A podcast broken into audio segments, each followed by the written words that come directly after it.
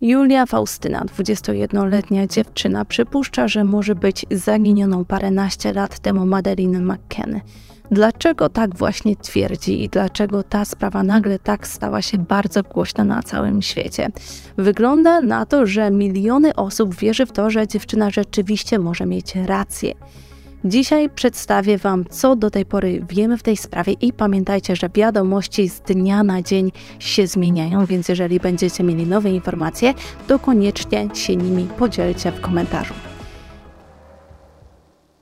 Dzień dobry, kochani, witam Was w kolejnym odcinku. Jeżeli interesują Was sprawy kryminalne, to subskrybujcie mój kanał, żeby poznać nowe, interesujące kryminalne materiały.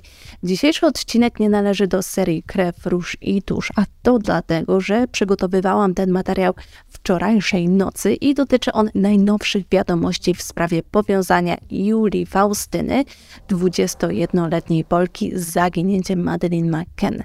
Żeby przypomnieć sobie sprawę Madeline, obejrzyjcie odcinek na moim kanale poświęcony właśnie tej sprawie. Kliknijcie w link powyżej tutaj albo tutaj, żeby dowiedzieć się też, co w trawie piszczy, to słuchajcie dalej dzisiejszego odcinka. Julia podobno skontaktowała się już z rodzicami Madeline i oni również chcą testów DNA. Jednak, żeby do tego doszło, różne kwestie prawne muszą dojść do skutku. Nie jest to proces, który trwa jeden dzień. No i w końcu jest to jedna z najważniejszych spraw kryminalnych ostatnich lat. Jednak najprawdopodobniej w najbliższym czasie możemy się spodziewać wyników właśnie takich badań. Ale jak do tego wszystkiego doszło, że Julia zaczęła przypuszczać, że może być zaginioną Madeline. Julia stworzyła profil na Instagramie, który nazywa się I am Madeline McCann, w którym pokazuje swoje obecne zdjęcia i te z czasów dzieciństwa.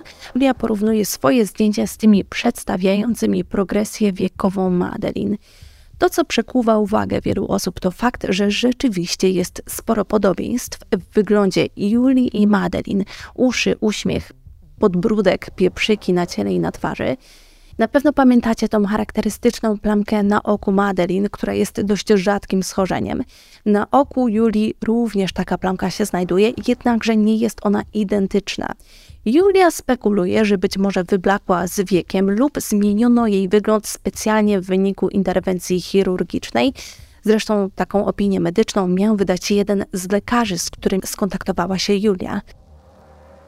Ale pojawia się jeszcze jedna nieścisłość. Julia, 21-latka, byłaby dwa lata starsza niż Madeline, dlatego więc nie mogłaby ona być tą dziewczynką. Jednak Julia mówi, że istnieje możliwość, że jej certyfikat urodzenia został sfałszowany. Kiedy prosi matkę o to, żeby ta pokazała jej dokumentację medyczną, twierdzi, że nie kolekcjonuje takich informacji i że zostawi Julię za to, że publicznie opowiada takie historie na temat swojej rodziny. Również babcia nie ułatwia sprawy, która nie chce pomóc młodej dziewczynie i mówi, że jest okropną osobą. Julia mówi, że osoby, które ją wychowywały, nie są jej biologicznymi rodzicami i wygląda na to, że rzeczywiście jest coś na rzeczy. Jej matka nie ma żadnych dowodów na to, że dziecko rzeczywiście na świat przyszło w ich rodzinie.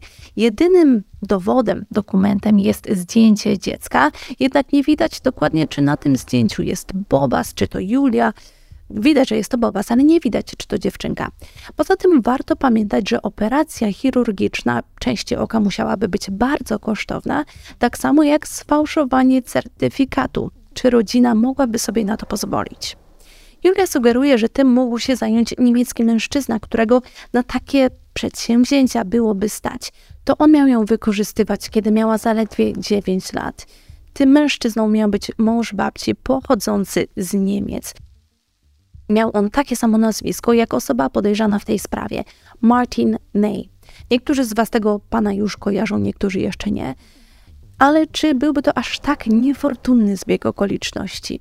Julka miała być wykorzystywana na oczach rodziny i uważa, że matka mogła widzieć, kiedy była dotykana przez obcego jej mężczyznę, a to dlatego, że widok z kuchni, w którym znajdowała się matka, na salon, w którym była dziewczynka, był przejrzysty.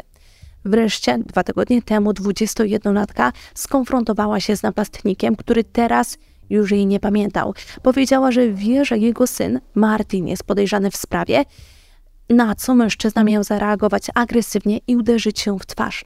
Na tą historię przedstawioną przez Julię ludzie reagują różnorako. Niektórzy mówią, że znają Julię ze szkoły, że już jako nastolatka miała problemy i zachowywała się paranoicznie.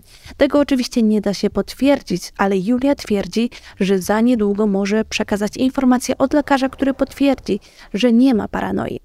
Mój chłopak powiedział, jak e, pisałam tą sprawę, ponieważ już obejrzał materiały o Julii po portugalsku, mi się wydaje, że ta dziewczyna kłamie. Jakby chciała naprawdę dowiedzieć się to, czy ona jest Madeline, zrobiłaby to w ciszy. I w tym całe clue, że dziewczyna już prawdopodobnie starała się to zrobić w ciszy, jednak nie było żadnej akcji ze strony ani policji polskiej, ani policji brytyjskiej. I dopiero kiedy zaczęła dodawać materiały do sieci, powstała lawina reakcji internetu i nawet amerykańskich stacji newsowych. Julia wspomina jeden z momentów z dzieciństwa, w którym mówi, że pamięta jasne budynki, dzieci bawiące się z żółwiami, jednak nie wie, czy mogła to być Grecja, czy może Portugalia. Ponadto, co ciekawe, podobno przedszkolanka wspominała, że jak Julia trafiła do przedszkola, mówiła już po angielsku. Tego jednak raczej nie nauczyła się w domu. Julia przeprowadziła rozmowę na swoim Instagramie z panią detektyw, w którym możecie usłyszeć, jak emocjonalnie reaguje na fakt bycia samotną. I kobieta stara się ją uspokoić i mówi, że nie jest sama, ma wsparcie wielu osób, e, które chcą jej pomóc w odkryciu prawdy na temat jej przeszłości, bez względu na to, czy jest Madeline, czy też nie. Najważniejsze jest to, żeby udało jej się dotrzeć do centrum problemu i żeby mogła sobie odpowiedzieć na pytanie, czy naprawdę jestem Julią, czy jestem tą Julią.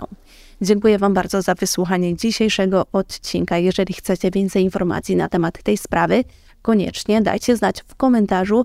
Nie zapomnijcie subskrybować tego kanału i kliknijcie w dzwoneczek, żeby zostać poinformowanym o kolejnych filmach. Do zobaczenia w następnym odcinku, być może za chwilę. Ciao, besos.